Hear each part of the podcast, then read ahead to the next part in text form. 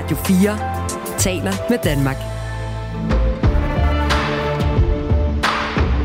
Velkommen til Verden kalder. En drone eksploderer over Putins bolig i det russiske magtcentrum i Moskva. Rusland kalder det et attentatforsøg på præsidenten og beskylder Ukraine for at ville myrde Putin og USA for at bakke op. Men i Vesten lyder beskyldningen modsat, at Rusland selv kan have iværksat droneangrebet over Kreml. Derfor spørger jeg i dag, hvem står bag angrebet på Putins præsidentpalads? Jeg hedder Stine Krummernd Dragsted. Velkommen til Verden kalder, programmet, hvor jeg stiller skarpt på et aktuelt spørgsmål om verden, og på en halv time giver dig et svar. Du lytter til Radio 4. Siden nyheden om det mulige attentatforsøg på Putin, så har der floreret adskillige videoer af droneangrebet på Kreml på både Twitter og Telegram og andre sociale medier. Rasmus Ross, militæranalytiker ved Center for Luft- og Rumoperationer på Forsvarsakademiet. Velkommen til Verden kalder. Jo, tak. Du har set nogle af de her videoer. Hvis vi lige starter med en af de videoer, der florerer på de russiske de sociale medier, som jo også er blevet vist i danske medier, så kan vi se, at det er nat. Vi kan se en gul bygning i Kreml, som altså er det her stort befæstede borgkompleks midt i Moskva, som huser hele det politiske magtapparat i Rusland, og det er faktisk også den bygning, som Putin plejer at sidde og arbejde i. Så ser vi altså det her flyvende objekt hen over bygningen, Rasmus, og hvad sker der så? Jamen, altså det, jeg ser for mig, det er jo egentlig øh, for at sætte scenen. Ikke? Man ser jo også øh, hele opsætningen af paraden, øh, klargøring til den 9. maj, øh, nede foran. Øh, og så ser vi ellers øh, fladet, der står og vejer, og så ser man nogle personer, der bevæger sig op på kuplen af den her bygning.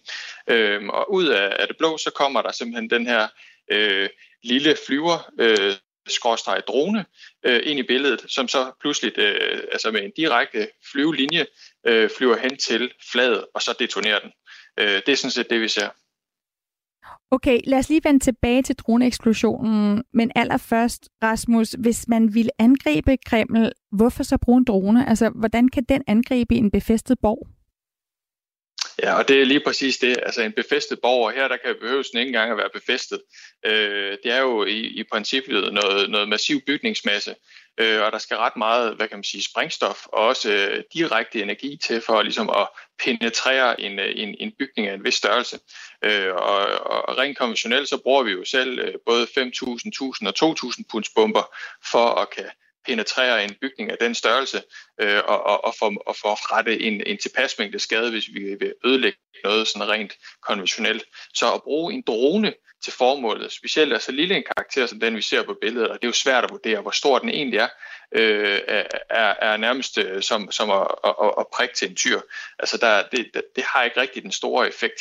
Øh, og derfor så, øh, så, så virker det øh, hvad kan man sige, mere symbolsk, end det virker som noget med et formål om at slå nogen ihjel eller ødelægge noget større kompleks. Så øh, Rasmus, den eksplosion, vi ser på videoerne, ved vi, om det er dronen, der bliver skudt ned over Kreml i Moskva, eller om det er dronen, der detonerer nogle eksplosiver, som den bærer? Ja, og det er faktisk svært at, at sige ud fra billederne. Øh, vi ser ikke nogen mundingsglimt fra noget jord til luftskyts, øh, som normalt vil være det, der forsvarer det, man normalt øh, i, i daglige termer, hvis det er en drone, så kalder man det enten luftforsvar inden for det traditionelle skisme i forhold til beskyttelse mod fjendtlige fly, eller helt øh, tæt på det, man kalder øh, counter UAS-systemer, som er sådan nogle mere lokale små systemer, som er kortrækkende, men meget effektive til at tage eksempelvis fjendtlige droner ud af luften. Og vi ser simpelthen ikke øh, øh, det her system i øh, effekt. Altså vi kan hverken se systemet på jorden, øh, eller vi kan heller ikke se nogen mundingsglimt eller lignende. Vi ser bare selve dronen eksplodere. Øh, og det, det kan jo enten indikere øh, to ting. Det er, at enten så, bliver, så detonerer dronen sig selv, eller øh, malfunktionerer, eller alternativt, så bliver den ramt af et eller andet, hvor vi så bare ikke kan se mundingsglimtet eller ophavet fra det her våbensystem, der så eventuelt tager det ud. Nu har Moskvas borgmester så indført en no-drone-zone i hele Moskva. Men Rasmus, altså kan det virkelig passe, at Kreml, en af de mest befæstede, altså en af de mest beskyttede dele af Moskva, i stedet for Putin har sit præsidentpalads, ikke har mm. et, et antidronesystem til at forsvare sig? Ja, og det er jo et rigtig godt spørgsmål, og alt sådan noget, det kommer jo sidste ende ud på en, en risikoanalyse og en vurdering af, om, om man ser en, en sandsynlighed for og eventuelle risikoen ved at blive ramt af en drone, og så opholde det med, jamen, kan man acceptere den her risiko. Og øh, umiddelbart så påstår Rusland jo, at de har taget det her ud med en, et radarsystem, og det vil sige et antidronesystem af et eller andet, af en eller anden karakter, øh, ukendt karakter, fordi de nævner ikke hvilket system, øh, så de påstår, at de har sådan et system. Men det, der er lidt mærkværdigt, det er, at det reagerer så sent, som det gør. Fordi selvom, øh, hvad kan man sige, at det, det eventuelt har reageret her, så reagerer det altså stort set lige hen over målet. Og det, man gerne vil med et antidronesystem, det er, at du gerne tager det ud på så lang en afstand som overhovedet muligt, så gerne ud på 10 km afstand eller 5 km afstand. Og det må man sige, det er det ikke lige hen over målet her. Der, der er det lige hen over der, hvor det... Hvis lad os sige, at det er Kremlin, de, de forsøger at ramme, så, så er det jo lige henover. Og det, det kan jo have den effekt, at så har du nedfald fra dronen og eventuelle bomber, som er rettet mod øh, systemet, øh, du forsøger at ramme, jamen det, øh, det, det, det falder jo ned i hovedet på dig uagtet. Og det er jo så det, vi ser her. Der er i hvert fald noget, der eksploderer og falder ned på bygningen og skaber en form for brand, kan man se på de her videoer. Øh, Putins ja. pressetjeneste var hurtigt ude og, og skyde skylden på Ukraines præsident Zelensky, på Ukraine, og sige, at droneangrebet det var et forsøg på at myrde præsident Putin. Hvis man vil myrde Putin, hvordan kan man så gøre det med en drone? Så tror jeg faktisk, at vi skal gå helt tilbage til starten af programmet og så, snart, øh, så tale om, at det giver ikke mening at ramme en person inde i en bygning med en drone øh, som det er lige nu. Simpelthen fordi, at der er simpelthen ikke nok våbenenergi i, øh, i så lille en drone til, at du, at du vil kunne ramme en person. Fordi han kan jo befinde sig alle steder i den her bygning, og man kan jo se de to personer, der befinder sig op på den her dome, at, at de bliver jo nærmest ikke engang bevirke, altså påvirket af eksplosionen. Så, så altså Putin skulle jo nærmest, eller den, målet for, for den her drone, skulle jo stå lige omkring fladet, for at det overhovedet vil have en effekt med den lille eksplosion, der sker her. Øh, det, det vil give meget større mening, at det var noget, at altså, altså, lad os sige, at man forsøger at tage en person ud med en drone, at det er et mere direkte angreb, altså du skal flyve ind i personen, eller meget, meget tæt på personen, altså der skal ikke være en bygning eller en mur, eller øh, bare en plexiglasråd, øh, kan være nogle gange nok til at, ligesom, at holde øh, eksplosionsfaren væk. Rusland siger jo, det er Ukraine, der står bag det her angreb den type drone, som du mener, der kan være tale om her, kan sådan en type drone flyve hele vejen fra Ukraine til Kreml i Moskva? Altså nu har jeg siddet og fulgt lidt med i debatterne her i dag, og der går øh, forskellige teorier omkring, hvilke typer af dronesystemer det kan være. Og lad os gå ned igennem den boldgade og sige, det er Ukraine, der har sendt den, øh, og, og eventuelt også sendt den fra, fra moderlandet Ukraine. Jamen så er det altså en rejse på omkring 460 km fra den tætteste grænse øh, til Rusland og så op til Moskva det er, det er, det er relativt, få, øh, altså, relativt få dronesystemer, der kan flyve så langt i så lille en størrelse, som den også er. Fordi den er jo faktisk ikke særlig stor. Øh, men der findes systemer. Øh, og de, øh, altså det, det, øh, teori, altså de teorier, der løber lige nu, det kan, hvis det er en ukrainsk drone, så kan det være den af typen UJ-22 Airborne, eller en Mugin 5, eller endda den tyrkisk indkøbte Bayraktar TB2. De har kapacitet til at kunne flyve hele distancen op til Moskva. Det, der så er lidt specielt i den her sag her, det er jo, at for at kunne gøre det og kunne flyve fra Ukraine, så flyver de lige hen over noget af det mest potente luftforsvar i verden. Altså grænsen imellem Ukraine og Rusland, der står der nogle rigtig potente radarsystemer og antiluftskytssystemer, som vil kunne skyde det her system ud af luften. Fordi lige nu, der beskytter Rusland sig jo også mod ukrainsk ukrainske traditionelle fly og jægerfly osv. Og, øh, og andre større droner tæt på fronten. Og derfor så har de jo nogle våbensystemer, som står lige inde på den anden side af deres grænse, som det her system så må have, altså den her drone jo må have været fløjet henover. Og ja, droner er svære at opfange, det er rigtigt. Øh, men den har alligevel øh, en vis flyveprofil og en vis størrelse, den her drone her, til den øh, i, efter min vurdering vil kunne blive samlet op på det her system. Og så igen, så har den skulle rejse 450 km hen over Rusland, og der må det også have været nogle borgere, der har set den. Øh, der går lige nogle videoklip lige nu omkring, øh, at cirka 70 km uden for Moskva, der, der er der nogen, der har filmet den her drone, eller i hvert fald den ene af de to droner.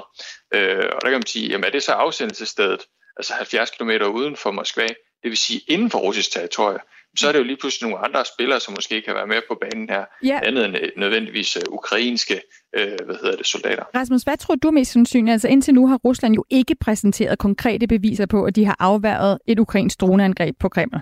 Altså vi har set de her videoer, ja. og vi har ikke nogen konkrete beviser på det her. Hvor tror du, det er mest sandsynligt, at den her drone er opsendt fra? Jamen altså, hvis, hvis, vi skal, hvis vi skal sådan dreje omkring det her med, at den ikke er blevet opdaget, flyve de her 450 km hen over Rusland, før i hvert fald de her 70 km inden Moskva, jamen så, så, så er det et system, der er, der er launchet inden for russisk eget territorie. Og der kan jo være forskellige spillere øh, modstandere mod, øh, mod det russiske hvad hedder det, regime, som, som kan opsende den her type droner. Den kræver en eller anden form for et lille intimistisk runway, og så vil den kunne tage afsted, altså en, en, en, lille, en lille mark eller et eller andet, og så vil den kunne tage. Og så vil det kunne være, jamen det kunne være ukrainske specialstyrker, men det kan også være, øh, hvad hedder det, pro øh, ukrainske, men russiske indbyggere, øh, som, som ligesom har set mulighed for at lave en eller anden form for sabotage mod øh, regimet. Men det kan også være, at, at Rusland selv er kommet til at skyde deres eget system mod luften, altså skyde deres egen drone ud af luften, fordi som det er lige nu med antidronesystemer, det er meget svært at identificere, øh, om det er en venlig eller en fjendtlig drone, og derfor så tager man ikke nødvendigvis risikoen, og så bare lade den flyve forbi. Så når den flyver hen over noget kritisk infrastruktur, som det her det er, øh, så skyder man uden at, uden at spørge. Mm. Øh, fordi den er flået så langt ind over, hvad jeg vil måske vil definere som et, et, et forbudt område at flyve, uagtet om det er en ven eller en fjende. Så bliver den skudt ud af luften. Ja, men så er jeg nysgerrig, Rasmus, fordi der har været det her, altså det vi taler meget om i dag, det er selvfølgelig det her droneangreb, Rusland påstår, at Ukraine står bag mod Kreml og, og Putins præsidentpalads. Der har jo været masser af andre angreb inde i Rusland de sidste to dage, blandt andet droneangreb på et olieraffinaderi i Rusland. Hvor svært er det egentlig at finde ud af, hvem der står bag de her sabotageangreb? Altså, hvis man har rester af dronerne, ved russerne det så godt, så ved vi jo ikke, om vi får det at vide eller ej, men, men kan, de, kan de se, hvem det faktisk er, der står bag ved at finde for eksempel rester af dronerne? Altså fordi at Ukraine selv er en, er en stor, øh, har en stor våbenindustri, og blandt andet også selv producerer rigtig mange forskellige øh, dronesystemer, så vil man jo kunne se, at den her drone, den er altså produceret i Ukraine, men, men, men det er jo sådan, at de sælger også deres dronesystemer til øh, ja, øh, andre magter. Øh, jeg kan jo se, at en, en, en, en Mugin 5 eksempelvis, som jeg nævnte som et af systemerne, den koster 9.500 dollars. Den kan du, den kan du bestille. Øh, selvom det lugter meget af, af militær, så har du mulighed for at købe det her system. Så selvom at Ukraine producerer det, så vil, så vil Rus, altså, øh, andre enheder, inklusive russere, eventuelt få fingre i det her system og bruge det aktivt i en eller anden form for false flag uh, operation. Altså det vil sige, at man, man giver andre øh, skylden for en eller anden handling og udnytter det politisk. Tusind tak for den forklaring, Rasmus Ross. Selvfølgelig. Altså militæranalytiker ved Center for Luft- og Rumoperationer ved Forsvarsakademiet. Du lytter til Verden kalder på Radio 4. Udover attentatforsøget med en drone mod Putin og Kreml, som øh, Rusland altså påstår, at Ukraine står bag, så har vi inden for de sidste to dage jo altså haft en hel række af sabotageangreb i Rusland. Fra sprængning af et russisk strømkabel til russisk godstog, der er blevet afsporet til et droneangreb på et russisk olieraffinaderi, hvilket det russiske militær altså har bekræftet. Jakob Tolstrup, Ruslands ekspert og lektor ved Institut for Statskundskab på Aarhus Universitet. Velkommen til Verden kalder. Jo, tak for det. De her angreb kan være en del af en psykologisk krigsførelse, siger du. Hvad kan Ukraine få ud af det?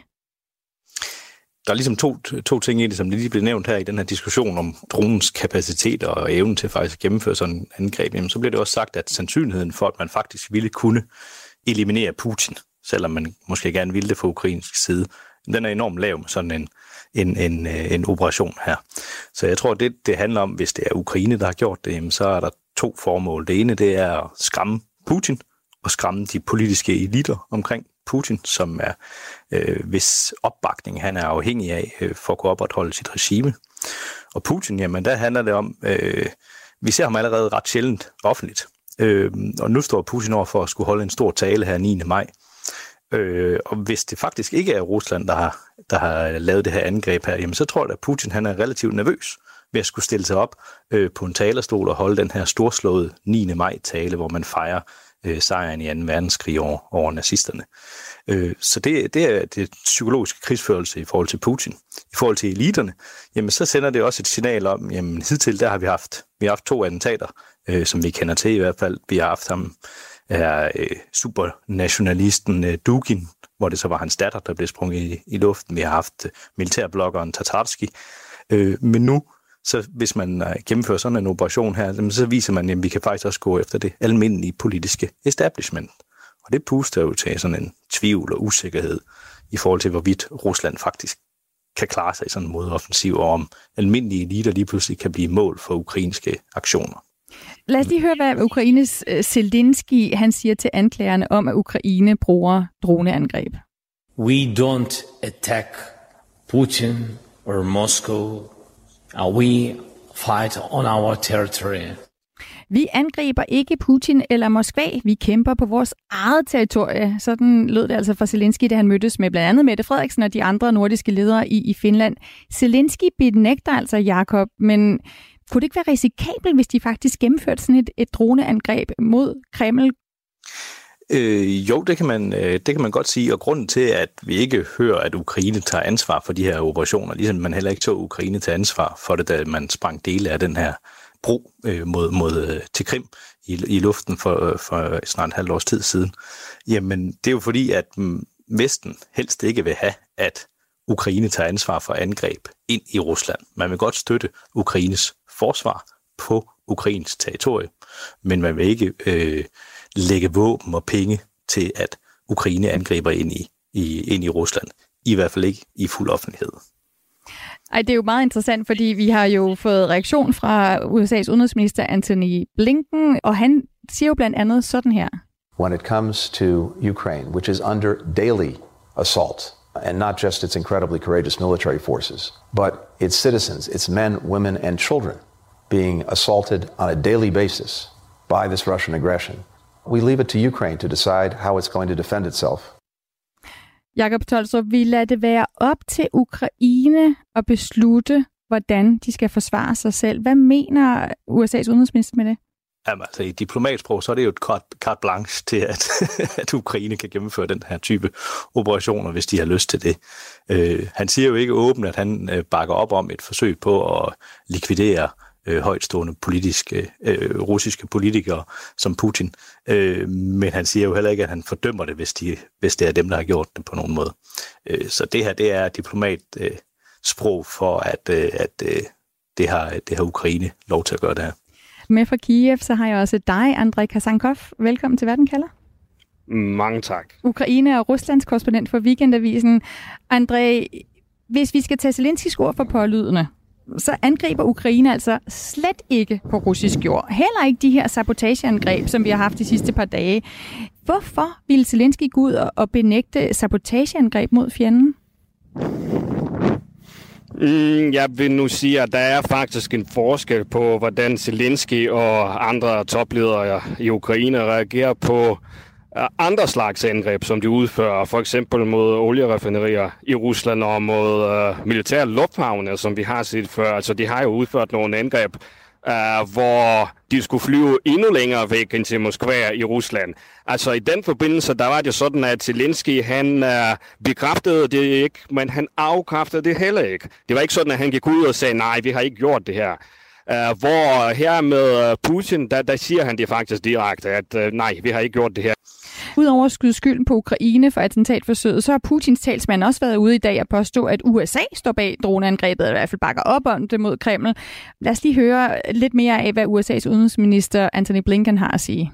I would take anything coming out of the Kremlin with a very large shaker of salt. So let's see. Uh, we'll see what, uh, what, what the facts are. Altså Jakob Tolstrup med andre ord, når Rusland siger, at droneangrebet er et ukrainsk eller et amerikansk attentatforsøg på Putin, så skal det altså ikke tages bare med et grænsalt, det skal tages med en helt saltbøsse, siger udenrigsminister Blinken her. Hvad, hvad er det helt præcis, som han, han hentyder til her? Er, er det, at det er en false flag operation, altså et iværksat forsøg fra, fra Ruslands side, tænker du? Ja, og det har vi set masser af eksempler på, at, at Rusland øh, spekulerer i at bruge den slags operation, og at de faktisk også gør det. Øh, og det kan der også være. Rusland kan også have sine motiver til det, øh, til at have lavet den her øh, operation her og forsøge at vinkle den til egen fordel.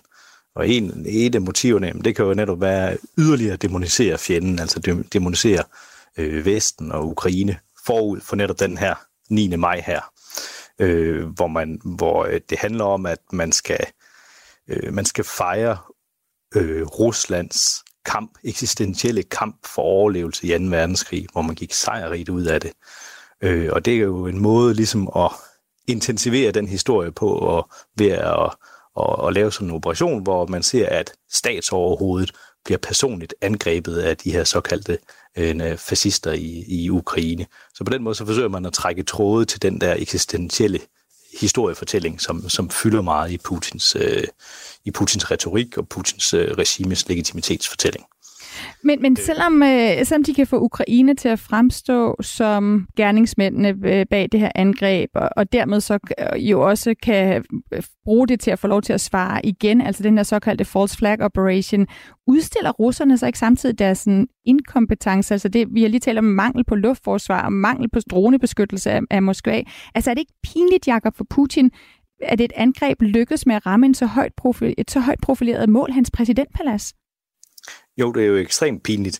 Altså, øh, så, så hvis det er en operation, som Kreml har planlagt det her, øh, så synes jeg, det virker øh, uigennemtænkt, at, at de ikke øh, overvejer den mulighed, at der er så nogen, der vil, øh, der vil kritisere dem for, jamen, hvordan kunne en drone der komme så langt, komme ind i hjertet af Ruslands øh, beslutningsmaskine, ikke? Helt ind og ramme, øh, potentielt ramme Putin. Øh, altså det er jo en, øh, det udstiller jo den inkompetence øh, og øh, dilettantiske militære adfærd, som vi har set fra Rusland i flere omgange. Øh, så jeg er ret sikker på, at vi kommer til at få hård kritik øh, af de russiske myndigheder fra de her såkaldte militære bloggere, som, som konsekvens har, har udstillet hvad kan man sige, fejl og mangler i det russiske militære aktioner på ukrainsk område. Øh, så på den måde, så virker det ikke som en fornuftig idé, det her. Øh, men det udelukker ikke, at, at, øh, at det stadigvæk er en mulighed, og at man har forregnet sig. Man ikke har gennemtænkt øh, de mulige konsekvenser. Ja, Jakob Tolstrup, inden jeg lader dig gå, så vil jeg også gerne have din konklusion på det spørgsmål, jeg stiller i dag. Hvem står bag angrebet på Putins præsidentpalads? ja, vi ved det ikke. Øh, jeg vil synes, det var sandsynligt, det var Ukraine. Jeg vil synes, det var mindre sandsynligt, at det var Rusland selv. Vi kan ikke udelukke de her øh, russiske partisanaktivister, sådan nogle forskellige grupperinger, at de kunne have øh, ageret måske i samarbejde med Ukraine heller. Øh, men, men vi ved det ikke. Øh, som sagt, altså hvis det er Rusland selv, der har gjort det her, mm, så har de, jeg synes, de har mindre incitament til det, øh, og jeg synes, der er nogle slagsider ved at lave sådan en operation her, som de ikke rigtig helt kan kontrollere, og derfor tror jeg, det er lidt usandsynligt. Tusind tak for den vurdering. Altså Jakob Tolstrup, Ruslands ekspert og lektor ved Institut for Statskundskab. Og så lad mig lige vende tilbage til Kiev og til dig, Andrej Kasankov, altså Ukraine og Ruslands korrespondent for Weekendavisen. Jeg vil også gerne bede om din konklusion lige lidt senere, men, men lad mig lige først spørge dig, Andrej, ved vi overhovedet med sikkerhed, om der har været et droneangreb? Altså er der i Ukraine også en usikkerhed om, om det her kan være opspind, om det her kan være krigspropaganda fra Putins side? Det det, vi diskuterer her, hvorvidt at Ukraine har gennemført et form for et angreb, eller om øh, russerne har lavet som om, at der var et angreb, en form for false flag operation. Men, øh, og det er næsten umuligt at svare på. Altså, folk har fuldstændig forskellige meninger, afhængig af, hvad man spørger. Ukraine har forskellige meninger. Uh, men det, man fokuserer på i Ukraine, det er som sagt, hvad der kommer til at ske i forhold til Ukraine. Og sådan uh, i nat, der blev øh, Kiev for eksempel øh, bombet forholdsvis meget med øh, droner, altså russiske droner, eller snarere iranske droner, som russerne så bruger, og hvor Kievs luftværn umiddelbart uh, kunne skyde alle de her droner ned. Så luftværnet her i Kiev er blevet meget bedre, end det var for nogle måneder siden. Det har altså hjulpet, at vi fra Vesten har sendt nogle uh, forsvarssystemer, som virkelig kan noget. Det, der er er vigtigt, det er, hvorvidt at russerne for eksempel vil gå efter præsident Zelenskis ja, præsident. Ja, præcis, fordi attentatforsøget på Putin, som øh, måske altså kalder det, betyder, at Rusland, citat, ikke har andet valg end fysisk at eliminere Ukraines præsident Zelensky og hans klikke. Det er et citat fra øh, Ruslands ekspræsident Dmitri Medvedev, Andrei Kasankov, altså Medvedev er kendt for at, at være blevet sådan ret øh, uh, utræret i sine udtalelser. Han uh, strør gerne om sig med ord som Hitler og nazisme. Men, øh, og lige, lige i øjeblikket så er Zelensky altså på besøg i Holland, så vidt vi ved, at han i sikkerhed. Du befinder dig i Ukraines uh, hovedstad Kiev, som du siger, blev, blev ramt i, i, i morges af, af et massivt uh, angreb. Men hvad er frygten i Ukraine, når det gælder, hvad Rusland vil bruge det her såkaldte attentatforsøg til? Jamen det er for eksempel, at man vil gå efter Zelensky og regeringskvartalet i det hele taget. At øh, man vil forsøge, og hvis ikke øh, myrde ham, så i hvert fald smadre, hvad der er. Altså det kunne være ukrainsk parlament og så den slags ting. Og uh, det har Rusland jo ikke gjort indtil nu, selvom de har truet med det rigtig mange gange. Det er sådan, hvis man ser russisk øh, tv, så er der opfordringer fra russiske politikere og kommentatorer til Putin og, om at gøre det så godt som dagligt. Og i går, der var der sindssygt mange af den slags opfordringer, så selvfølgelig er man bekymret i Ukraine i forhold til, at uh, missilerne kommer til at havle ned over Ukraines centrum. Altså Zelenskis residens og de andre parlamentsbygninger osv. ligger i centrum af Kiev, hvor der bor rigtig mange mennesker rundt omkring. Og det er det, man, man er bekymret for og, og holde øje med, og så må man jo se, hvordan det udvikler sig. Og samtidig så er der jo også øh, det her med, at uh, Ukraine skal have gang i deres modoffensiv, som man har ventet det så lang tid. Og nu øh, lader det til, at der var nogle meldinger fra fronten i går, at måske er det lige så stille og roligt ved at gå i gang med den. Og det, det, folk er meget spændt på, hvorvidt at det her også kan få konsekvenser i forhold til det på en eller anden måde, i forhold til, hvordan russerne alles vil forsvare sig i forhold til den ukrainske modoffensiv. Ja, og der kan man jo også spørge uh, Andrei Kasankov, hvorfor Putin overhovedet behøver en anledning som et attentatforsøg øh, uh, med en drone øh, over Kreml til at uh, optrappe en krig, når vi netop taler om modoffensiver og, og luftangreb ofte? Mm, der er mit svar, at øh, nogle gange, altså det, det er ikke, øh, nogle gange så skal man bare acceptere, at øh, Putin han tænker anderledes, end vi andre gør. For hvis man ser op til sådan i forbindelse med, hvordan krigen i Ukraine startede, altså den store russiske invasion for godt et år siden, der var der også et langt forløb, hvor øh, separatistledere fra Øst-Ukraine rettede henvendelser til Putin og bad ham om hjælp og alt sådan nogle ting, som altså for alle os andre, og for ukrainerne, det, øh, det var fuldstændig unødvendigt, sikkert også for separatistlederne. Altså, alle, altså hvis Putin bare gik ind, uden at der var alt det her cirkus før, det vil jeg hverken have gjort til eller fra. Situationen vil have været fuldstændig den samme. Men øh, Putin har det med, med at opføre den slags øh, forestillinger nogle gange, som, som næst, han er næsten det eneste, der kan forstå.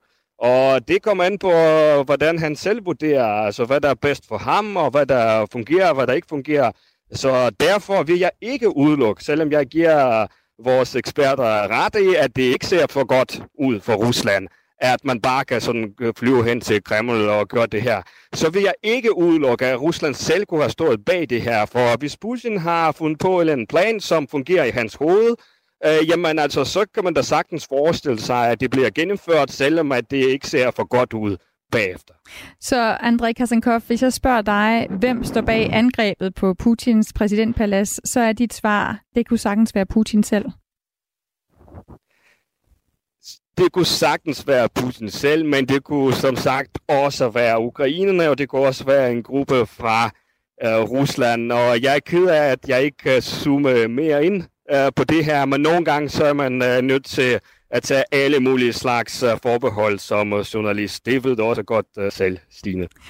Tusind tak for både det svar og de forbehold. Andrej Kasankov med fra Kiev, altså Ukraine og Ruslands korrespondent for Weekendavisen. I programmet her, der har vi brugt lydklip fra The Washington Post og The Sun. Og uanset hvad der sker, så kan du få svar på et afgørende spørgsmål. Her i Verden kalder med mig, Stine Kromand Dragsted. Hvis du vil fange os live, så er det mandag og torsdag. Først så sender jeg en halv times aktuel sag i Verden kalder, og så 30 minutters Verden kalder perspektiv, hvor jeg sætter et spørgsmål om verden ind i en større sammenhæng og giver dig svar. Husk også selvfølgelig Verden kalder som podcast. Det gør du, hvis du finder Verden kalder podcasten ved at trykke følg. Du kan for eksempel finde os i Radio 4's app eller lige der, hvor du lytter til dine podcasts. Du har lyttet til en podcast fra Radio 4. Find flere episoder i vores app eller der, hvor du lytter til podcast. Radio 4 taler med Danmark.